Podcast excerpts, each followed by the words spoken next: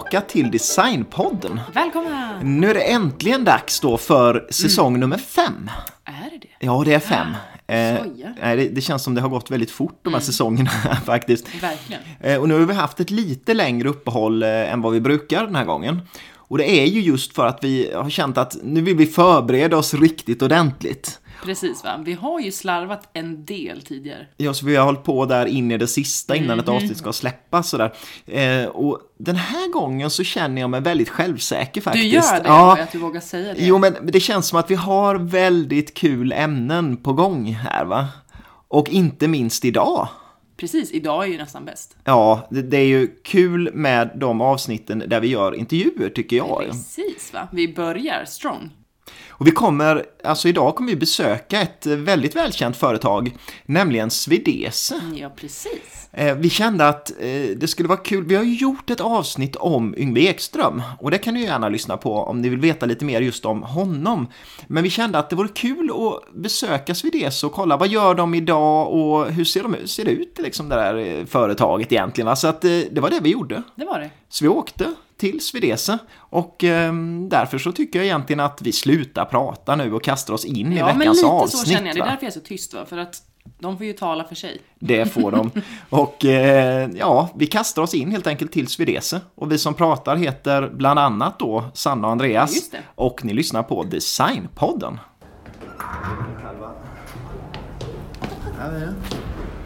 Så. Just det. Börjar det lugna ner sig lite? Ja, just det. Här luktar det mer eh, lite, Lite- lacker och Ja, sånt. precis. Ja, ja. Det här, om ni ser där inne så står det han står slipade. Just det, de elementen. Eh, och nu väntar de små träbitarna på lite kärlek och ytbehandling. Ytbehandling och sånt, ja. Och lite eh, montering Just det. och så.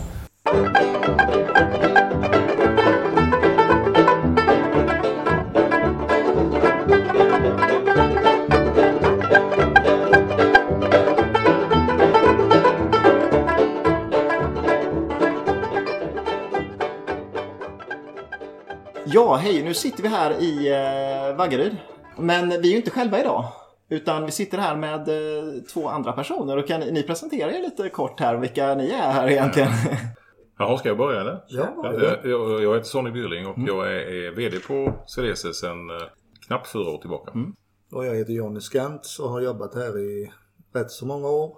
Från eh, min ungdom och eh, är nu eh, inne på mina två sista månader. Så då blir det pension för min del så jag har en del eh, erfarenhet från det här bygget. En del ja. Det är precis vad vi vill åt. Och Svedese är ju ett av de här svenska möbelföretagen som är mest kända och som har en väldigt rik historia. Och jag vet inte om vi ska börja, vi kastar oss tillbaka i tiden eh, ganska kraftigt här. Och det finns ju några personer som varit väldigt viktiga för Svedeses skapande. Ja.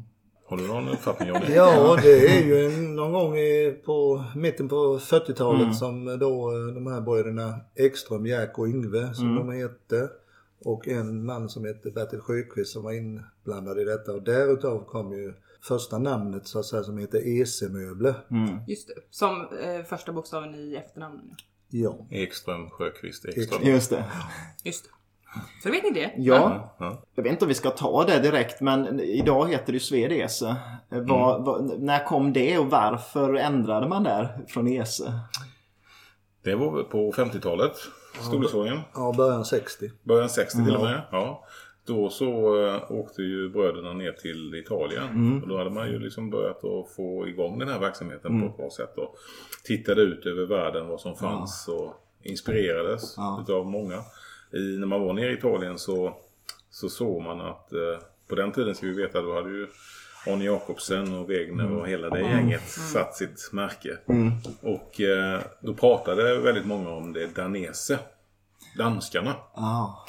Och eh, om man då redan heter Ese så kom ju Yngve och Jerker på att vi är ju svenskar så då blir vi ju Svedese. Ah. Så var tanken. Just då det funkade bättre på helt enkelt internationella marknaden. Då, Precis, På, ja, precis. ja. Svenskarna, ja. Och det är ju många idag som fortfarande frågar, är, har ni något koppling till Italien eller vad är det som? Ja.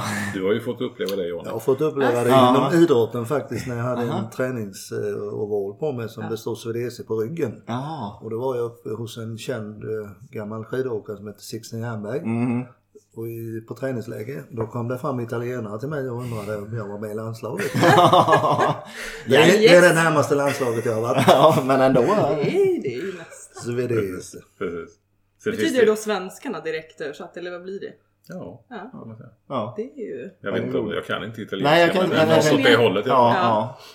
ja. Aldrig tänkt på det. Nej. Svensk då. Svensk. Ja, svensk. Ja. Ja. Det är ju optimalt för Ja. ett företag. Ja. Ja. Det kan man väl, jag vet inte, vi, vi kan väl stoppa in det också då. Mm. Att det, vi, Yngve Ekström då, kanske förekommer lite, men han har ju bland annat gjort en, en känd fåtölj som heter Lamino. Ja. Och eh, på vägen till eh, Italien, Mm. till en stad där man brukar ha en mässa varje år, Milano. Ja.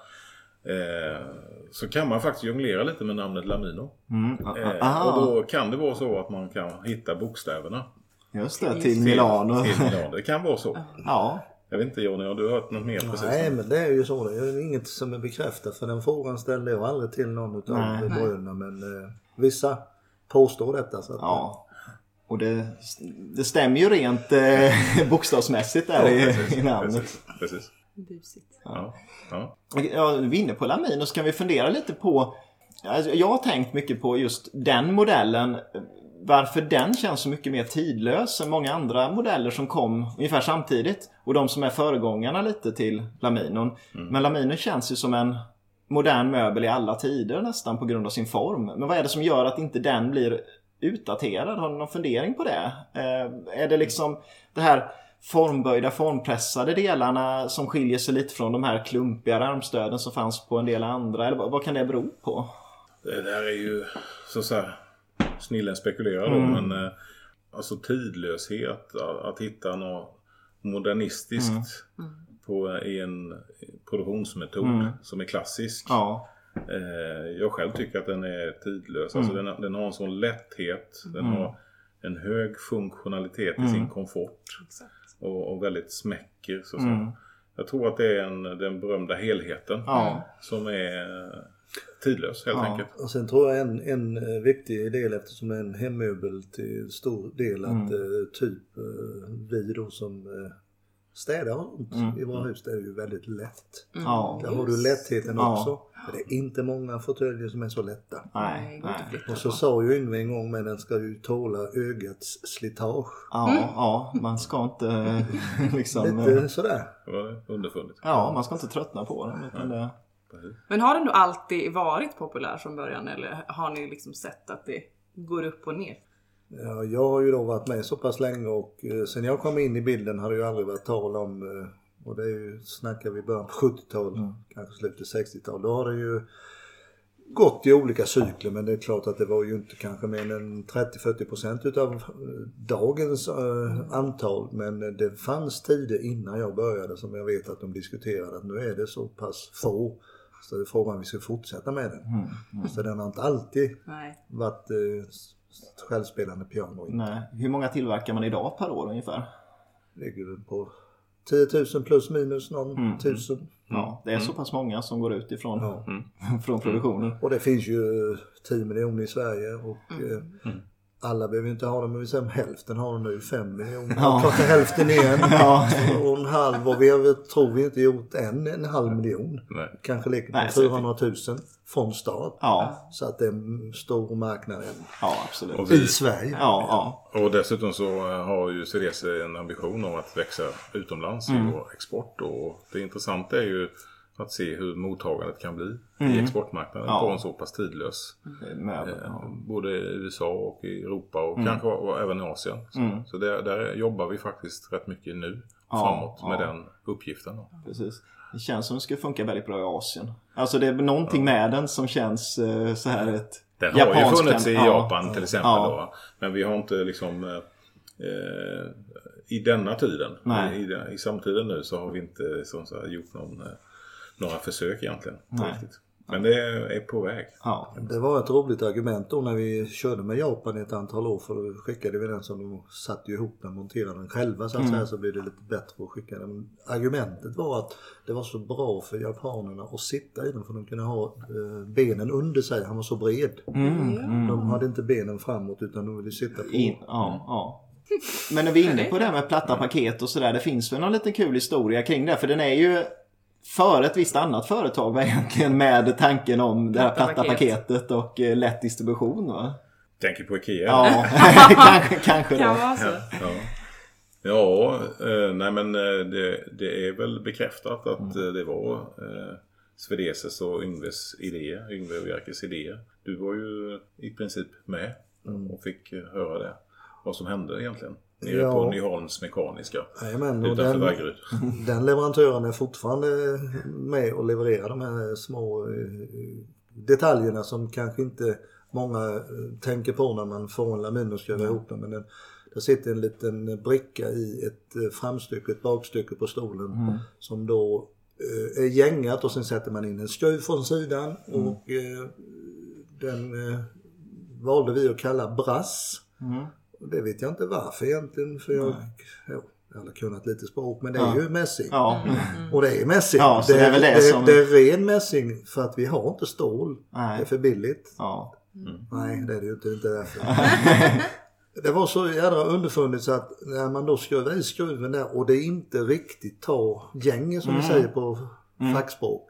Då gör det nya gäng i mässingen. För lite För mjukare. det är då. mjukt. Ja. Hade du haft stål så hade ju skruven bara pang, suttit och det, sen hade du aldrig fått väck den. Nej, ju- då bara sabbar du ju istället. Precis. Så den Ja. har vi haft från början. Ja, så det är en funktion med materialet även i det. Ja, Vi det, hade ju det sett att stiligt. kunna tjäna någon tusenlapp om året om vi hade bytt från mässing till ja. vanligt bonnastål som Ja.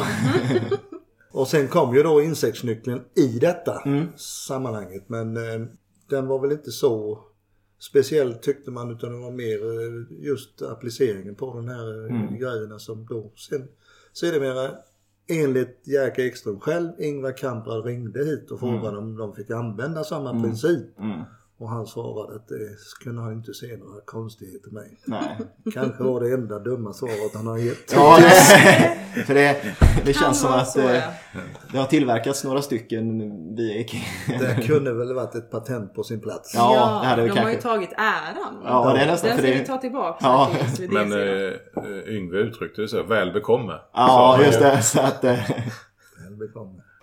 Om, man kan prata om laminer, det är Mm. jättekul. Den är, många vill, men den har ju också liksom varit stommen i Swedese som företag. Mm. Och Swedese är ju en, en väsentlig del av Vaggeryd. Mm, Och, och eh, har ju liksom tagit möbel Sverige då. Mm. Som Vaggeryd är från början ett möbelnäste. mm. Så det är ju en av de få sakerna som idag fortfarande finns kvar här. Ja, Och ja. tänk så många familjer och, och eh, individer som har byggt sina liv kring detta ja, faktiskt. Eh, och det tycker jag också är värt att nämna med stor tacksamhet till Ja. de som kom på det. Mm.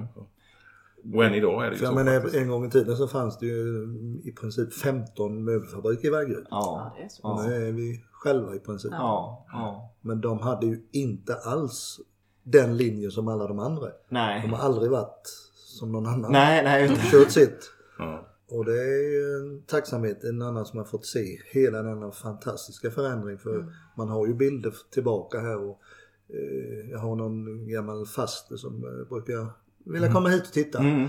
Och så kom hon in här för, kan vara 10-15 år sedan och bara öppnade. Och säger Johnny, det här är väl inte Swedish? Nej, inte vad hon tyckte för 15 år sedan men nu. Ja, ja. Så vi har ju fått förändra oss för att kunna vara med. Ja, Precis. Annars hade vi inte varit med. Nej, utan hänga med.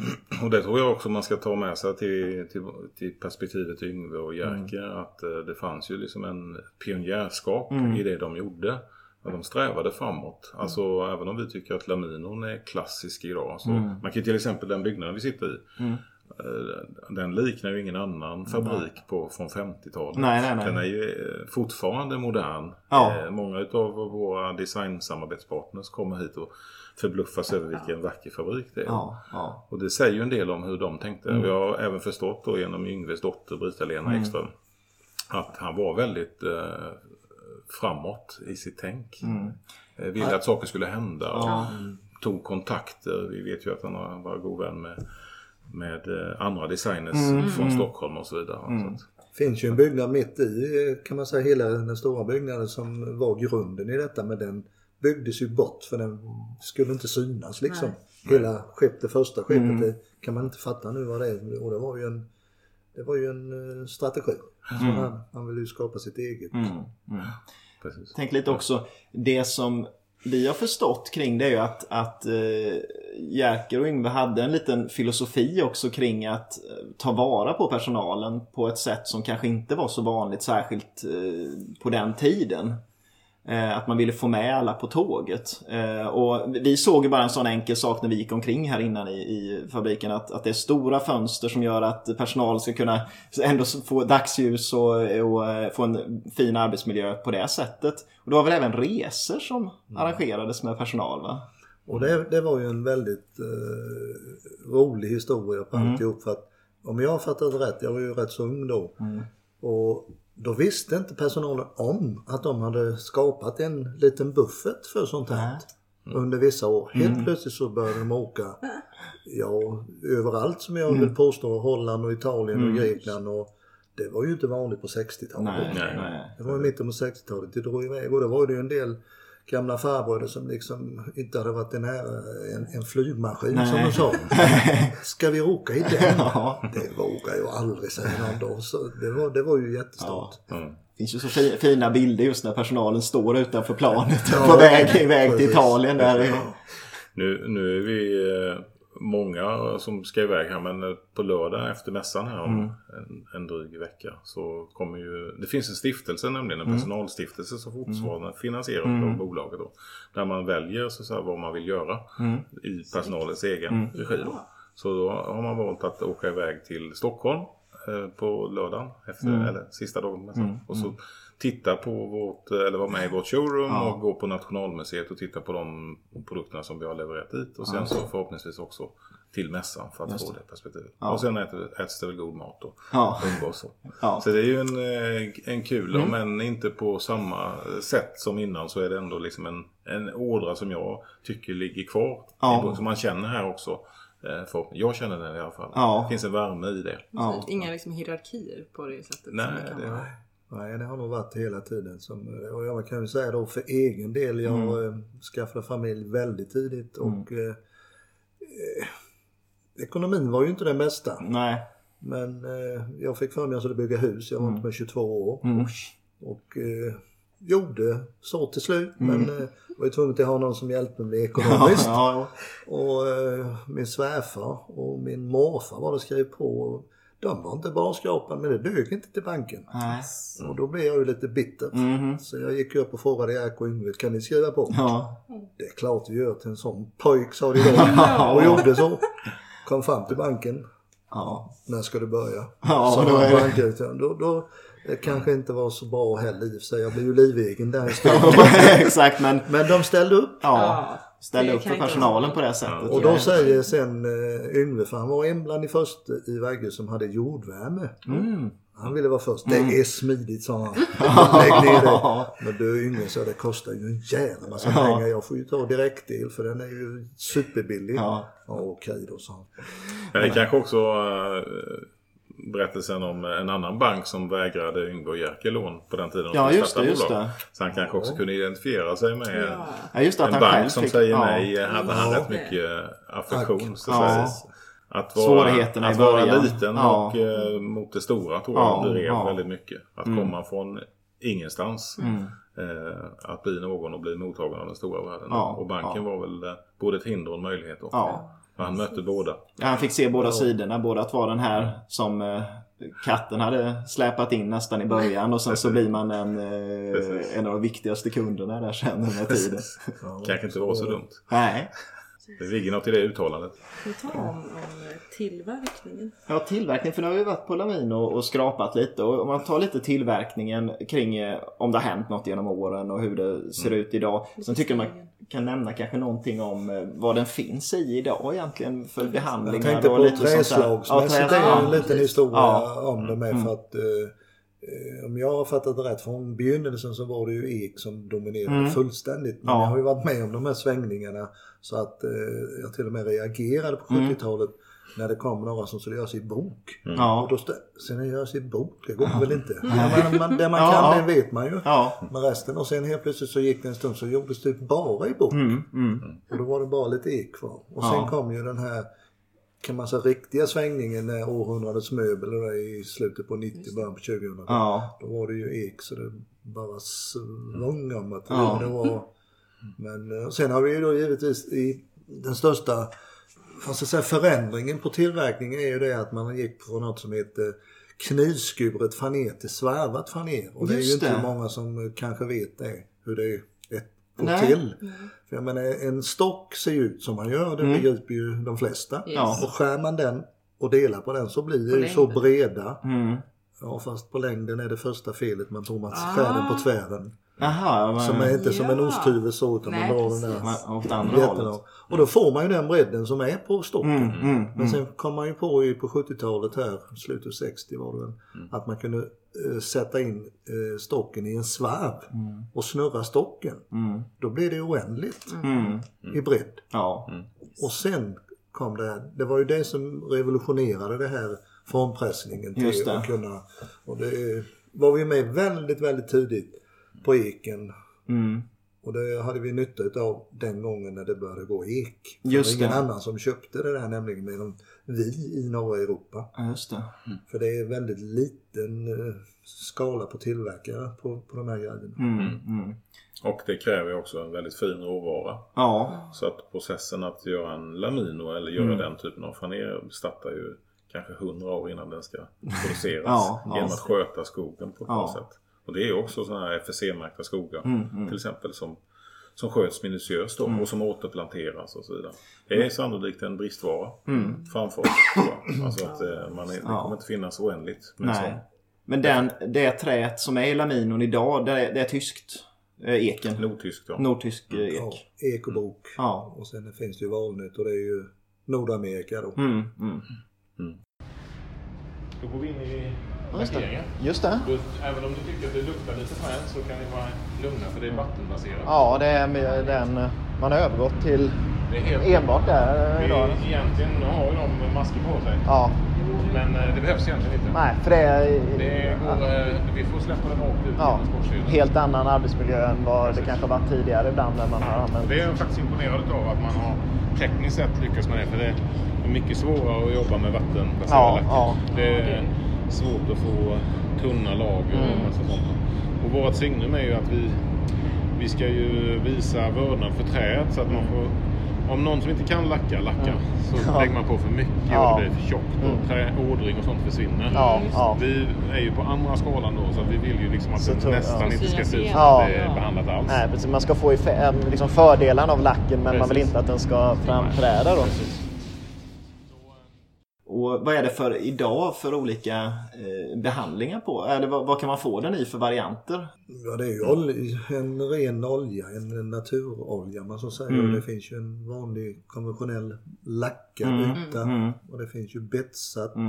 beroende på vad kunden är så det är mycket kundanpassat på det Mm, viset. Men mm. eh, Lackat med färg. Ja, just det. Finns Finns ju. en svartaktig Nyanser. variant vad som jag har sett som är, är både en annan karaktär. Ja, precis. Det- täckfärg som vi säger eller Mm. betsor det, Mm. det är liksom, finns ju inga begränsningar idag Nej, på detta. Nej. Och det har varit så i nästan alla tider att vi Mm. har kunnat göra mot kundens Mm. beställning. Men det är så ja, så att man kan bara ringa och säga att jag vill ha en Lamino som ser ut så här och då gör ni det. Troligen. Ja, och du, du ska ju då det helst skicka in en NCS-kod. Ja, för det finns ja. ju några eh, tusen sådana. Mm. Och så säga det så det. gör vi ett prov så Mm. skickar vi det till kund. mm. Och eh, tyckte du det var bra så, då blir det så. För det tror jag inte man tänker på. Jag tror bara man eh, Ja. scrollar på ser standard och så tänker man att det är det som finns. Ja, det, det är ju så. Ja men det gör man Ja. Man tänker inte att jag kanske kan fråga om jag får en grön. Det jag inte man tänker Nej, för att det är en, eh, vill man har en interiör med en väldigt speciell karaktär Mm. så kan man ju... Det är ju en av våra det. framgångsmedel på den så kallade kontraktmarknaden, Ja. alltså på den business to business. Mm. Där är det ju oftast en arkitekt i föreskrivande Mm. led då. Och de jobbar ju mycket med färgskalor Mm, och känslor så att säga i inredningen. Och då blir det ju oftast väldigt specifika tygval Mm. och specifika färgval som mixas tillsammans också. Just det. Och det kan vi åstadkomma på tre till fyra veckor. Vilket eh, tycker vi är bra. Ja, absolut. Ja, sen är det ju ett sätt att ta fram en som sticker ut lite. Det är inte Mm. sagt att det är den som ska sälja. Man kan ju dra med de andra istället. Just det, precis va? Det är ju som eh, Volvo. Ja, men du får köpa vilken färg du vill Ja. på bilen. Ja, Bara du tar svart. ja. så. Vad var det här vi sa om lacken när vi gick runt? Eller det här med Mm. att man ser ådringen igenom? Ja, Gå, gå in Nej, men det, det är ju liksom en, det är, det är en någon slags helhetskunskap om vad är det som... Alltså resultatet av en, lackad yta med bevarad träkänsla. Det är ju att det får inte... Det får ju flyta precis lagom. Det får vara exakt mängd färg. Och med jämna stråk Ja, ska man ja. lägga på det. Och det, i den stora skalan som vi gör det. Att behålla den kvaliteten. Det är vi väldigt stolta över. Att, att man ska känna eh, när man tittar och tar på, en, på en träprodukt. Ja. Precis. Är att det är det. Ja. Och det, det, det klarar inte alla. Nej. Det, det, det tycker jag att vi gör väldigt, väldigt Ja. bra. För det är klart, en, eh, lackar man tjockt så kan det lika gärna vara en MDF-skiva under. Precis. Det är, Precis, ja. så det är ingen mening. Nej, nej. Då kan man lika väl ta MDF. Ja, precis. precis. Om man inte... Ja. Precis. Så hur går tillverkningen Mm. till lite snabbt, steg för steg, i en Lamino? Ni behöver inte gå in på alla detaljer, men hur, hur går tillverkningen till av en stor? Jag kan ju börja processen då så får du Mm. haka på Johnny. Men det börjar ju med att man, att man hittar rätt trä. Mm. Då. Det är en eh, fin process som jag sa. Det, tar, det kan ta en hundra år att få till det. men men sen, är, sen är det ju dessutom viktigt att hitta en, en samarbetspartner som, som gör faneret så att, Mm. så att de förstår vår tillverkningsprocess. Så då eh, kapar man ju upp dem i rätt längder så att man tänker på att det inte blir så mycket spillmaterial. Ja. Eh, vi tänker hållbart från början. Eh, och att det kommer in i rätt bredder och så att det är förberett helt enkelt. Sen kommer det in hit och så gäller det att ha rätt fukt och sådär så det inte spricker. Eh, och sen så gäller det att tänka ekonomiskt även när vi börjar lägga ihop det här då för att det ska ju vara en fin eh, översta skiktet och understa skiktet kommer ju synas. Precis. Så de finaste bitarna lägger man upp och ner. Eh, Fast då inflika är att det måste vara bara det andra med för att du ser hela sidan. Just det, just det. Precis. Så är det. Så det går inte att gömma Men något. bara på ett annat sätt. Men Ja. bara på ett annat Ja, sätt. Precis. så. Och sen så tar vi in det i processen och sen så limmar vi på, eh, på faneret och lägger ihop det i, i, i höga säga, beroende på tjockleken på komponenten. Då. Och sen så har vi en, eh, en press med värme som vi med högt tryck pressar ihop det här paketet. Då. Och sen Johnny vet ju du vad som händer. Nej, men en hydraulpress som gör att vi har en eh, kanske 10-15 kilo per kvadratcentimeter i tryck. Ja, Så det, man lägger ju inga fingrar emellan. Nej, nej. Och sen är det en elektromagnetism. Som motsvarande som vi har i eh, mikrovågsugnar.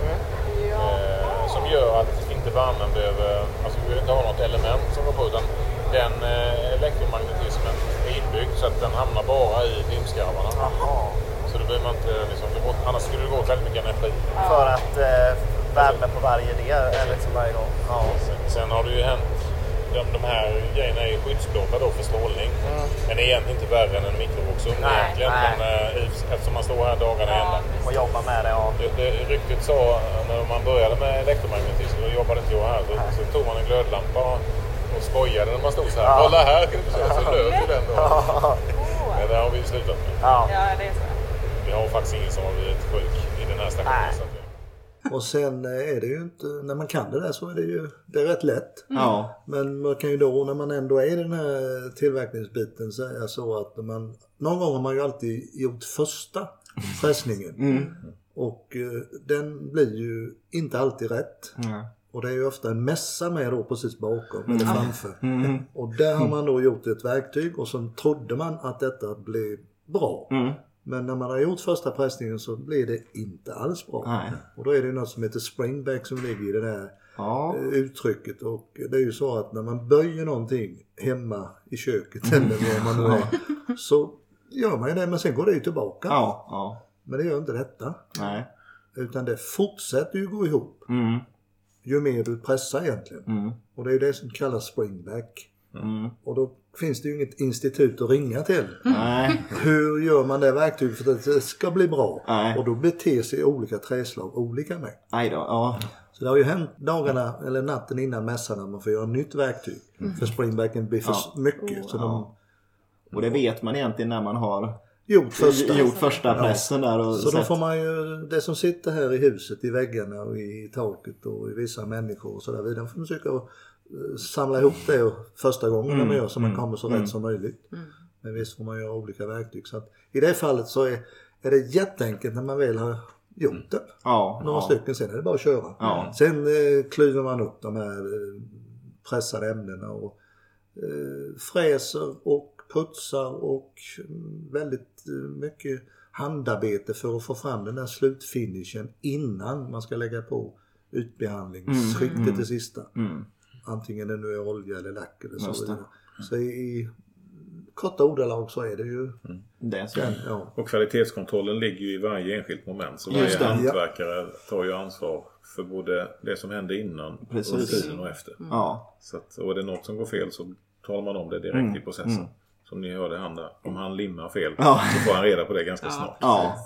Och sen just det där att man håller ihop då benpar särskilt då till exempel. Ja. Att, att det måste vara från samma stycke då om man säger de, de benen till samma fåtölj så att inte de sticker ut från varandra. Precis. Och bara det är ju en process givetvis att man måste verkligen ha rutiner för att det ska bli rätt trä till rätt, eh, Precis. till Det rätt är ju främst springbacken som är orsaken Ja, till ja. detta. Så att man, för, det, för det gör ingenting att, att det är lite rörelse för är ju Nej. ändå levande. absolut. Men det är ju onödigt att behöva ta en som har mycket springback och en som har lite i samma fåtölj. Just det, för Ja, då blir det lite diff, diff på... Just det. Ja. eh, Sen då? Vad kommer vi till sen? Ja, vad kommer vi till sen? Nej men jag menar i processen. Ja, processen. Vi är inte klar Nej, med inte. lamin. Nej, nej, men då är ju utbehandlingen klar och då Ja. har ju den, eh, om man tänker sig regionen på tillverkningen på träattiraljerna där Mm. gått sitt liv och det är ju en prognos egentligen vi gör efter då för det, Mm. hinner vi ju inte göra kundstyrt hela tiden där. Utan då blir det ju att eh, man får eh, ha ett litet lager som Mm. man kan eh, verka. Och sen samtidigt kommer det ju en annan väg. Mm. Eh, beklädnaden. Vad ska det vara? Är det fårskinn? Är det tyg? Vad är det? Och då när trägrejerna kommer ut dit. Mm, Ja. Då blir det kund, kundspecifikt direkt. Just det. Eh, Sen följer den eh, styrningen med ända tills eh, utskeppningen. ja. Sen, sen är ju då efter den här lackeringen så är det ju tapetsering och det Mm. är packning, montering. Packning kommer efter Ja, montering. jo. Förlåt. Eh, och, ja, Snyggt. grunda, Ja. lag så. Och den finns i, ja fårskinn är ju väldigt populärt i hemmiljö givetvis. Mest populärt kan man säga. Ja, eh, och sen textil. Men det finns ju någon sån här med sadeljords eh, variant av grovt eh, skinn. Eh, såg jag. Sadelläder som vi kallar det. ja. Precis. Och den är ju, har den funnits länge eller har den varit i produktion hela tiden? Så? Jag tycker inte man ser den så där fasligt ofta men... Den har varit med i många år Ja. till och från. Ja. Och vissa vill ha den som sån här jubileumsutgåva ibland Ja. och göra lite speciellt. Eh, Ingen nämnd, ingen glömd. Sonny gjorde det när han kom då. Ja. Det var 60-årsjubileum då måste det varit va? Eller något. Och vi har haft den innan med. Men det är väl, skillnaden är ju den att den är ju vacker men eh, den är väl kanske inte komfortabel att sitta i. Nej, lite hårdare. blir. Lite hårdare, men väldigt snygg. Ja, och väldigt jobbig att tillverka. För att det är ju väldigt eh, stumt skinn att jobba med. Ja, just det. Det är väldigt tjockt det där. För att, Precis. eh, För det ska ju hålla sitt. Det finns ju ingen, ingen mer bärväv eller sånt i en sån. För det är ju bara skinnet. ja. Om du tänker ett fårskinn så är det är ju bara en utsmyckning. ja, så ligger det ju egentligen i På bärande under då. ja. Ja. Det blir ju som det. karyngon som står där borta. Just det, just det. Det formas efter kroppen också. Mm, mm, mm. Och sen finns det ju då ett antal eh, standardfårskinnsfärger. Men det finns ju hos olika leverantörer lite. Så vi kör ju även eh, speciella fårskinn som folk. Eller egna får kan man ju slakta och Ja, och, bereda och skicka in. Eller du kan ju ta en älghud om du vill. ja, just det. Kohud har vi ju Ja. kört. Ja, det går ju också. Det Ja, var så här som en rolig, rolig variant. ja. Och så sätter man en jättefin bild på den prislistan det året. För vi har ju haft den i vårt sortiment. Ja, Men det fanns bara ett, en sån ko. aj då. Så nästa som fick och köpte den här fåtöljen och det var ju inte den bilden som var. Kan bli fel. Ja, exakt. Va? Men jag funderar på, eh, även så här med, för att, att trä ska vara eh, samma så måste det även vara lite problematiskt med fårskinn att det ska se likadant ut på, på en hel... Kanske om man får en beställning på ett antal så man ska få samma nyanser på och samma... Det. Men då finns det ju kunder som är rätt eh, kunniga och vettiga Ja. i det här som eh, fattar att det är ju inte plast eller Nej, syntet nej. Mm. utan de förstår att de kan inte bli likadana. Nej, nej. Men eh, visst är det en del som gnäller på att pallen inte matchar fåtöljen riktigt. Ja, ja. Men då får man ju försöka förklara att det, det är faktiskt två får. Ja, det är ju det. Så att, Vi har inte så stora som räcker både till fåtöljen Sen är det ju en annan sak. Man har varit väldigt hård på till exempel insektsbett. Nu pratar jag skinn Mm. till exempel. Insektsbett som syns och lite, Mm. lite blemish så att säga. Och det är ju kanske någonting som vi som slutkunder får börja undra över. Ja, Ska vi verkligen vara så petiga petiga?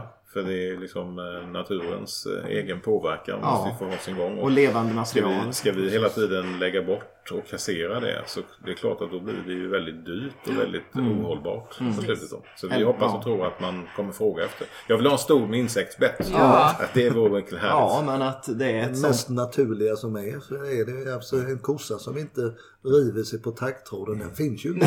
Nej, men nej, absolut. Vilka av de här klassiska Yngve-möblerna om man säger finns i produktion idag på Swedese? Det var ju en härlig fråga. Ja. Ja, Ja, det är ju Lam- Lamino som Ja. är det givetvis och sen är det ju Primo. mm, just det. Och det är ju, en, eh, det är ju den andra som det Mm. heter i namnet. Mm. Eh, Den är ju exakt samma sittvagga som Lamino. Just det. Yngve var ju inte dum. Nej. Han var smart. Han sa du behöver inte göra en ny. bara för att han heter något annat. Nej. Så det använder man ju samma sittvagga. Och så Ja. gjorde man ett benställ som var lite annorlunda. Ja. Eh, Desiree, eller? Desiree är ju också... Mm. Ja. Utomhusmöbel. Ja, Mm. väldigt. Eh, Sen är det ju... Nej, det är det ju inte. Där. Nej, nu kommer jag inte på någon. Nej. Nej men det finns några vi kan titta på. Ja, vi kan kolla på Alltså, det finns sen, ju, ja. Vi har rätt många modeller. Accent. Ja. Accent ja. Accent, Accent. är det, som heter Rustik. Innan vi bytte namn på den. Just det, för det är lite lurigt där. Ja. Precis. Vet du, Och vi säger Lamino, då menar vi hela familjen. Ja. Just det, Med när alla- bordet, också. Ja, just Ja, det. exakt. Det ska man inte glömma det heller, nej, för det tänker man inte så ofta Sen på. alla vi kallar Yngve-krysset till exempel. Ja. Underrede används ju väldigt Ja. mycket fortfarande. Han var ju Ja. själv faktiskt, han ju- hade ju ett eget eh, kryss till eh, stoppmöbel eller den typen där. Mm. Men, eh, som var sandgjut en gång i tiden. Men det var ju borta i säkert 30-40 år. Mm. Och sen tog vi upp och satsade en riktig peng på att göra ett kryss till alla våra möbler så vi att använda det. Just det. Det är ju inte så hemskt många år sedan. Nej. Det, det kallar vi ju Yngve-krysset för det är ju hans. Sen håller vi på med, vi har ju eh, en fantastisk skatt i arkivet Mm. utav eh, Yngves alster då. Och tillsammans med Brita-Lena Ekström, hans Mm. dotter, så försöker vi nu att eh, göra någonting fint med det arkivet. Just det. Att vårda det och utveckla Ja, det på ja. något sätt. Eh, men vi har som företag har vi bestämt att vi ska hela tiden ta fram nya, alltså vi ska eh, återanvända arkivet. Mm, så till exempel förra året så lanserade vi ju temastolen som kom i början på 50-talet. Precis, ja. Som eh, stod där borta. Yes. Exakt. Eh, och sen har vi ju Karyngo som står alldeles jämte oss här. Mm. Som var Carl Malmsten och Yngve Ekströms gemensamma bebis. Ja, just det. Och det är lite lek med deras namn där. Som... Karl och Yngve. Ja. Karyngo. Ja. Precis. Eh, så att eh, det kommer alltid finnas eh, och, och vi inspireras ju av Mm. hans arkiv. Försöker eh, titta på vad han har gjort så att det finns liksom fortfarande en, en, en röd tråd i eller i vårt DNA. Exakt, Man känner igen va? Svedeses produkter. Just det. Just det. Med den omtanken och så som, Mm. som Yngve hade.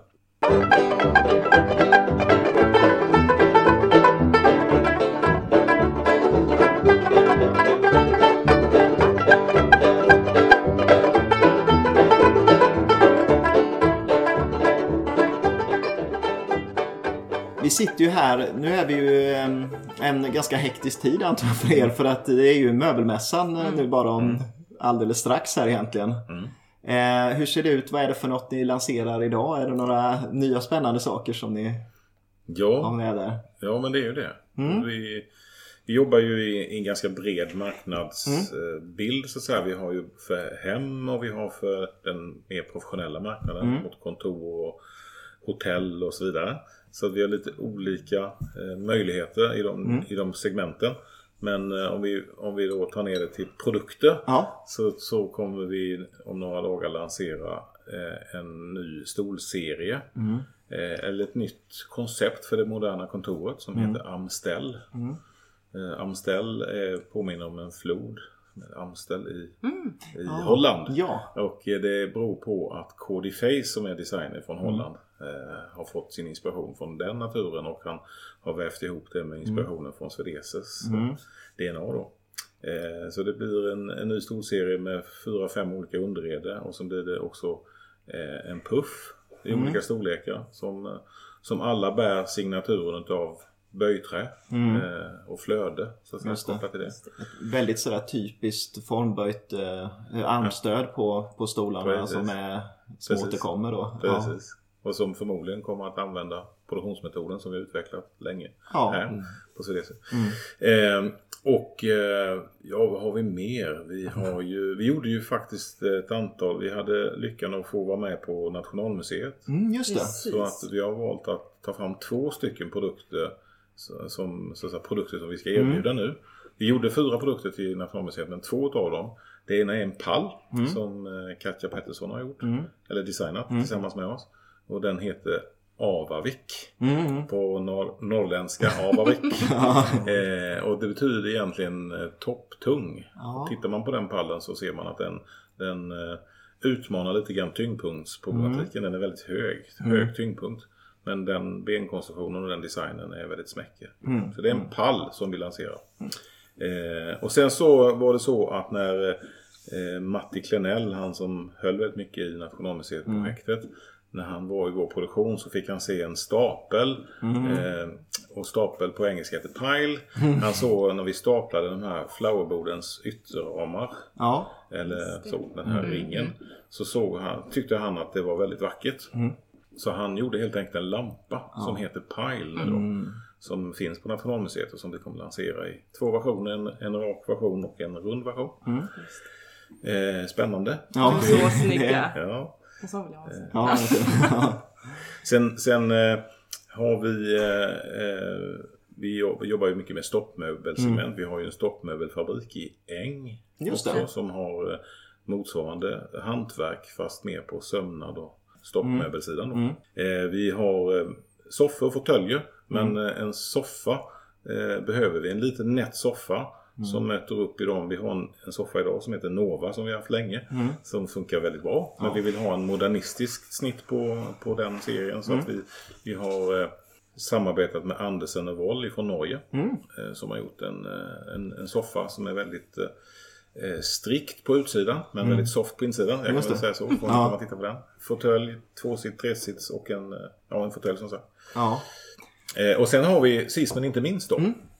Eh, på hotell och även på företag och kanske hemma i våra trädgårdar. Så det här med att vara inne och ute har ju börjat flyta ihop. Va? Precis, man vill binda samman så man kan kunna... Precis. liksom- Och då har vi tagit fram eh, tillsammans med CKR då, Claesson, Koivisto och Rune, designstudion där. Så har vi tagit fram en bordserie som också innehåller pallar och bänkar. Eh, för, som kallas för Atlas. Och en lång historia kort om Atlas, varför heter det så? Jo, den här idén kom upp på restaurang Portal i Stockholm. Och restaurang Portal ligger i Vasastan och det är mitt i där Atlasområdet ligger i Stockholm. Precis, precis. Ja, Så det- är tanken där. Och det här bordet då, för att komma tillbaka till det. Det är en, en väldigt robust konstruktion. Men med dansande underrede. Exakt. Och det är- rejäla skivor. Så att det, det, det tål, alltså det är ett glatt uttryck fast det står väldigt stadigt. Ja. Så kan man uttrycka det. Just det. Så, så de här sakerna lanserar vi nästa vecka. Just det. Det är ju fantastiskt med stor, historien om Yngve och Ja. Jerker och Sjöqvist och Ja, hur ja. det här kommer till då. Det, det vi har, om, om jag pratar lite samtid och framtid Mm. Ja, ja. kopplat till det. Så vi, vi vill ju inget annat än att vårda och utveckla Mm. historien och hålla koll på var vi kommer ifrån. Det som är viktigt då det är just det där med kanske det som Yngve var duktig på. Mm. Att se framåt. Att vara pionjär. Så vi har lagt ner några timmar på att fundera på vad är vår vision? Hur ska vi ta det med oss då? Och det är ju inte bara en sak man säger och sådär. Utan, men vår vision ja, nu då har vi uttryckt den på engelska. Eh, pioneering is living. Alltså på något sätt så, så, så måste ju vi ta ansvar för framtiden på Swedese. Det är det vi kan göra. Vi, vi, vi är oerhört tacksamma för det som är uppbyggt och det vi kan mer förvalta idag. Men vi måste ju också utveckla Swedese. Och det ligger i att försöka se och eh, spekulera i vad händer framåt då. Ja. Och det eh, som jag tror jag nämnde när vi gick runt i vår produktion så vi kan skoja lite grann att det kommer drönare och hämtar våra grejer från taket och Ja. sådär. Men den här digitaliseringen som vi ser nu. Sättet att köpa våra produkter kanske kräver att vi eh, eller kanske, det kommer ju att kräva att vi finns på nätet, alltså i e-handel. Vi jobbar väldigt, väldigt mycket med det nu. Att försöka så att säga, göra oss köpbara på ja, nätet. Eh, en annan sak som är viktig, som kanske är en förlängning på hållbarhet, det är ju att eh, det är slut med köp och släng. Nu Ja. ska vi reparera och återanvända så väldigt mycket. Eh, man kanske inte måste köpa saker. Man kanske måste leva i en delningsekonomi. Vad händer med möbler? Jag kanske hyr min Lanino när jag börjar som student på, något, Ja. på någon skola. Och sen så väljer jag efter fem år om jag vill köpa den eller om jag vill lämna tillbaka Ja. den. Och då kommer, har vi byggt upp någonting vi kallar för Swedese Repair då för att ta hand om. Vi tror att den, det kommer bli mycket affärslösningar som ska till för att klara av det. Eh, och sen är det ju så också att vi utvecklas ju eh, på jorden. Eh, och bland annat så har ju nätet gjort att vi kan umgås med man brukar säga nörden finns ju i allt. Ja, Alltså, jo, de det- som det är så. bara är intresserade av böjträ Ja. kan umgås över globala gränser. Exakt. Eh, De som är intresserade av flugfiske de blir väldigt många Mm. helt plötsligt för att de kan eh, koppla samman via sociala medier och Exakt. så vidare. Och vad händer då? Jo, det innebär att man kanske börjar göra möbler som är helt orienterade efter vad det lilla segmentet. För innan fanns det kanske bara hundra sådana när man tittade i Sverige. Nu kanske de är en miljon. Ja. Fast några är i Argentina och några är någon annanstans då. Så vi måste börja titta på nya eh, härliga livsstilar. Eh, stilar, Ja, ja. Helt enkelt då.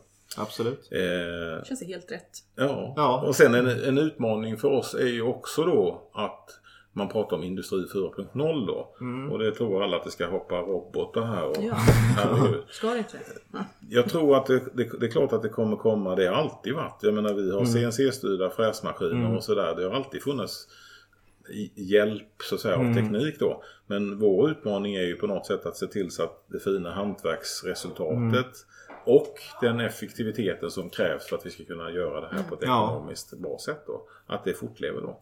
Och jag är ganska övertygad om, vi pratar ju mycket om det här med en design som kommer fram är ju inte en persons Nej, verk det. utan det är ett samarbete av eh, många personers kunnande. Eh, Men att göra det och ta till oss ny teknik på ett bra sätt det är en utmaning. Ja. Och, och då vill jag igen säga då att eh, hade Yngve eh, fortsatt, varit VD eller Ja, ägare ja. på Swedese så är jag helt säker på att han hade haft en uppfattning om hur vi skulle ta det här vidare. Till i nästa nivå, ja. Och det är det som vi måste liksom ta ansvar Det är det vi jobbar väldigt Mm. mycket med också parallellt med att leverera det som vi redan har. Eh, och det är spännande. Ja. Det är spännande. Och utmana oss själva i det. Absolut.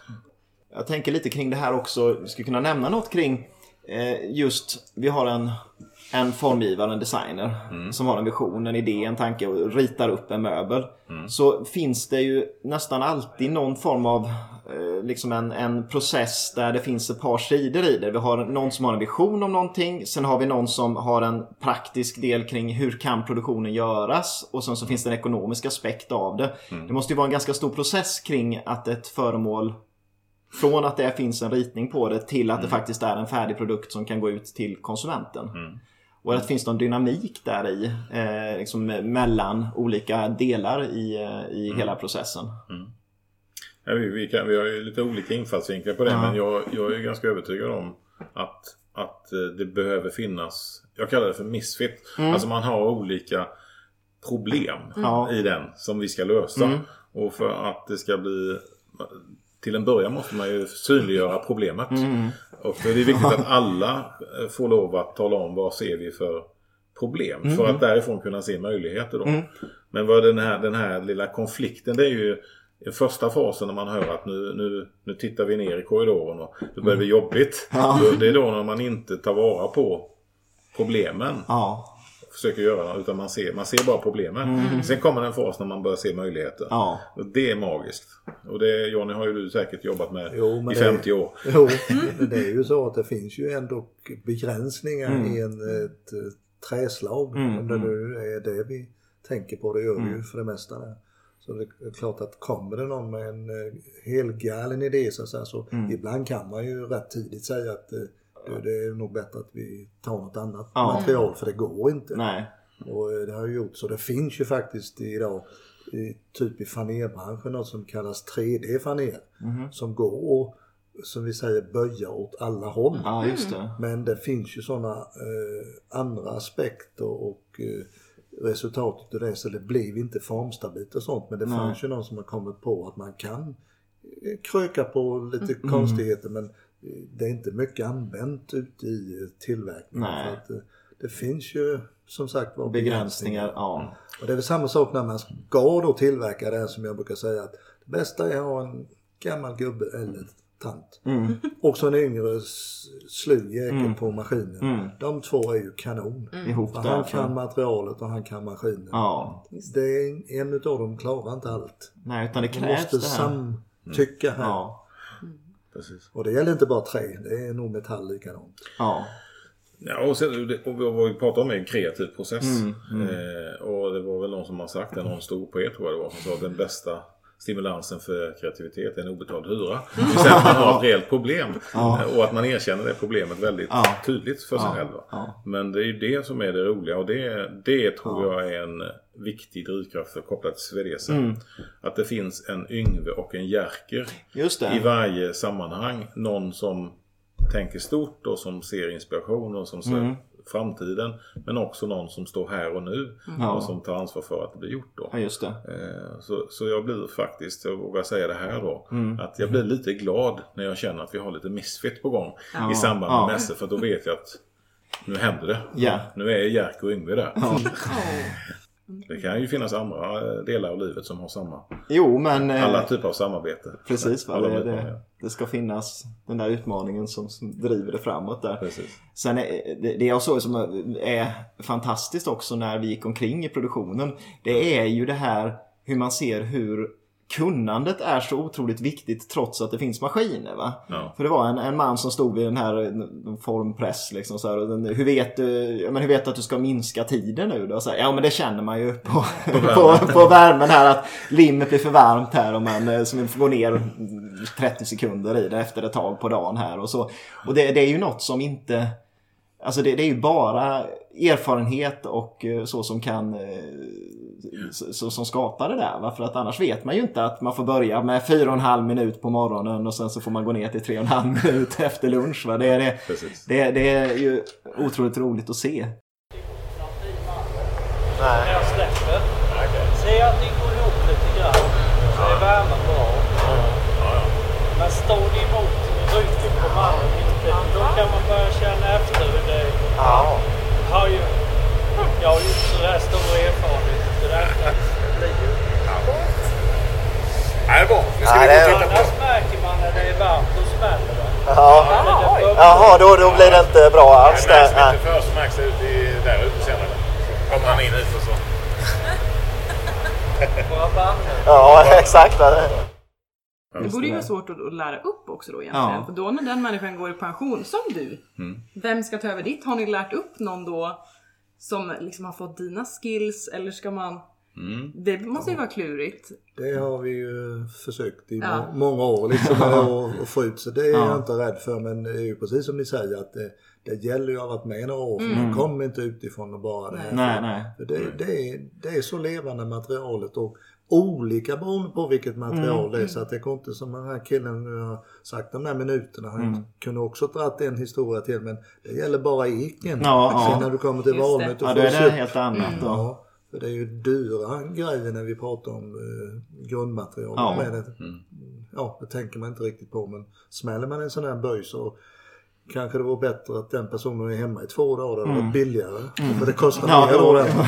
ja, Så att, men det är också en led i att minska spillet givetvis. Att ha kunnande på alla nivåer så att inte det blir fel. Nej. För det måste bli väldigt dyrt och sen ju längre det går i processen innan felet upptäcks så Precis. blir det ju ännu dyrare också för då har man gjort eh, Eller du har ju hela tiden en, en eh, som vi säger, startprocedur eller ställprocedur Mm. i nästan i varenda tempo. Och från början när man pressar ihop det då så får du ju liksom inte kan ju inte börja på det, det exklusivaste, nu är det valnöten. Du får ju börja på det som är billigast. Ja, ja. Ifall det händer ja, något. om det skulle vara något då och sen. Och det, sånt kommer ju in rätt snabbt. Det, blir, alltså det kommer ju, om man tittar framåt då igen, eh, att, att hitta yrkesskickliga eh, hantverkare.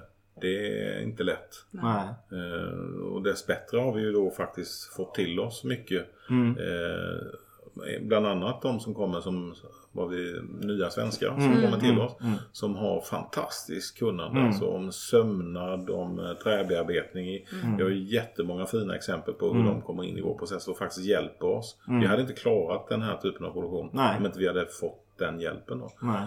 Men även andra, vi jobbar med så, träcentrum borta i Nässjö till Just exempel. det, försöker just hitta hur, hur formar vi utbildningssystemet för att det här ska... För det ska passa sen. Eh, Ja. vad är det ni behöver? För det är Precis. klart, det är ju viktigt. Precis. Men, men lite sådär förundrad är jag också över att inte, att inte många fler ungdomar har sett vilket kul eh, Arbete. skrå det här är. Så många möjligheter det finns. Ja.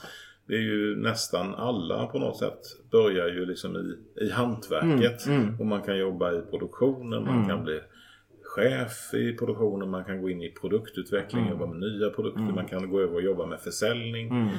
Eh, och det tycker jag är lite underskattat måste jag säga Ja, för ja. de som inte jobbar i branschen. Ja. En väldigt trevlig och mysig bransch att vara. Så får, är vi på mässor och visar nyheter.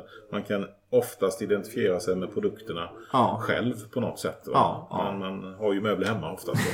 Men, men det tror jag ligger mycket i grund och botten på mig, oss, vi andra som beroende på hur vi har applicerat det på våra barn och barnbarn. Ja. För att de har ju inte den möjligheten som jag hade när jag var ung.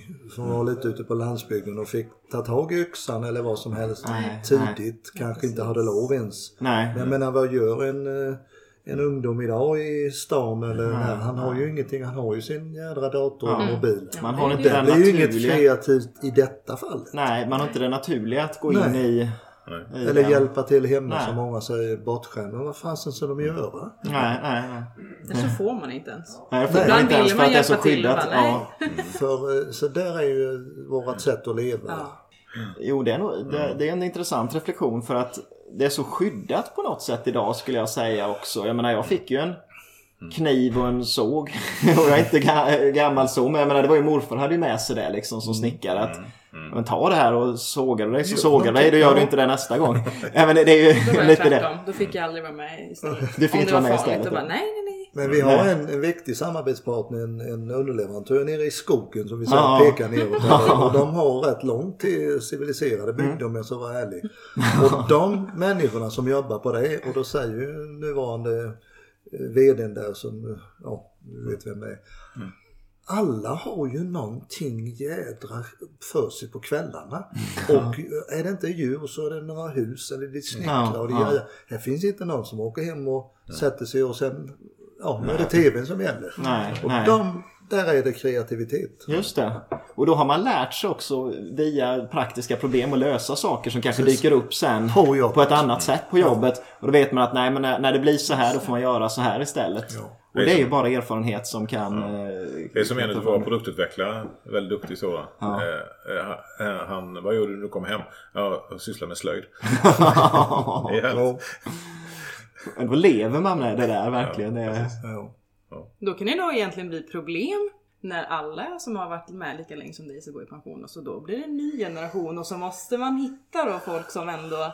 Ja, fast vi har hyfsad bra Ja, åldersfördelning men faktiskt. mm, Det är- tur det då. Ja. Så att det inte... Nej. Nej, men det finns ska eh, vissa moment eh, får vi börja titta lite grann på. Ja. Men generellt sett så är, har vi ju en eh, relativt låg medelålder.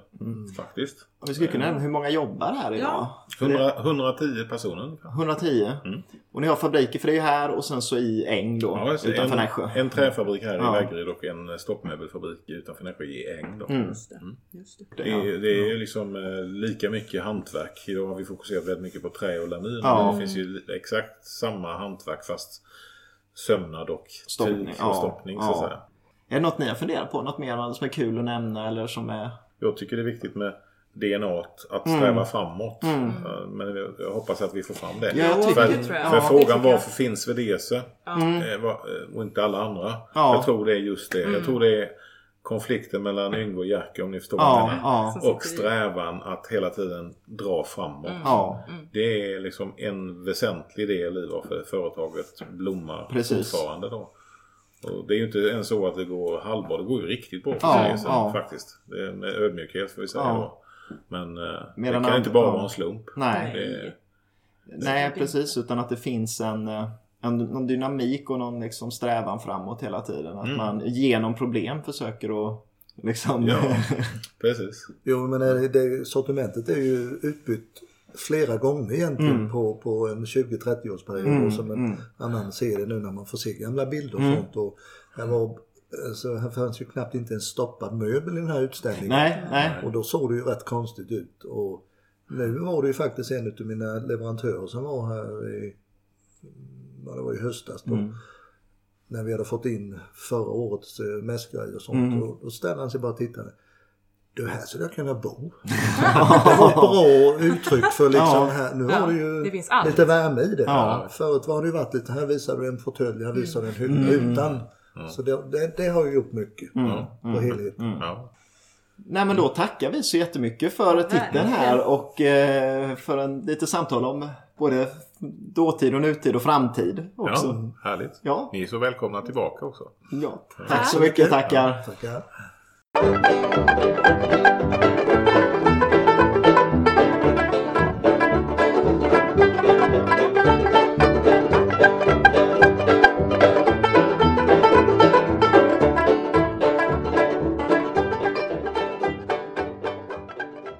Ja, och det var ju veckans avsnitt av Designpodden. Det var det. Eh, hoppas att ni tyckte det var lika spännande som vi. Eh, givetvis var det ju ännu roligare för oss att få gå omkring där i, i fabriken och så. självklart. Det var så roligt. Men vi ville försöka via de här små insticken då med ljud ifrån eh, fabriken att ändå få en, liksom, så ni får en känsla av hur det var där. Ja, just det. eh, ljudet var ju inget vidare då va? Nej, men, det eh, blir det ju inte riktigt. Men det är ju autentiskt och eh, roligare så tycker Ja, och sen ska jag säga också att vi kommer att lägga ut några små snuttar videoinspelning på Instagram ifrån eh, så här när de formpressar någon del och så. Det är faktiskt ganska roligt att se.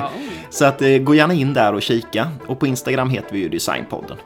Så tack så hemskt mycket till Swedese för att vi fick hälsa på. Hoppas ni tyckte det var roligt. Ja, och eh, om ni vill, om ni har några idéer då till oss om till exempel att, ja men jag kan inte ta och besöka det här företaget istället eller så. Då kan man mejla oss. Ja, det bör ni göra. Ja, det, vi, nej, men vi blir jätteglada när vi får tips. Eh, och då mejlar man till eh, designpodden at gmail.com. Va? Fick inte jag säga det Nej, du idag? brukar oh göra. my god, okej. Och annars, ja, så tackar vi för att ni har lyssnat så hoppas jag att vi hörs igen nästa vecka. Hej då! Thank you.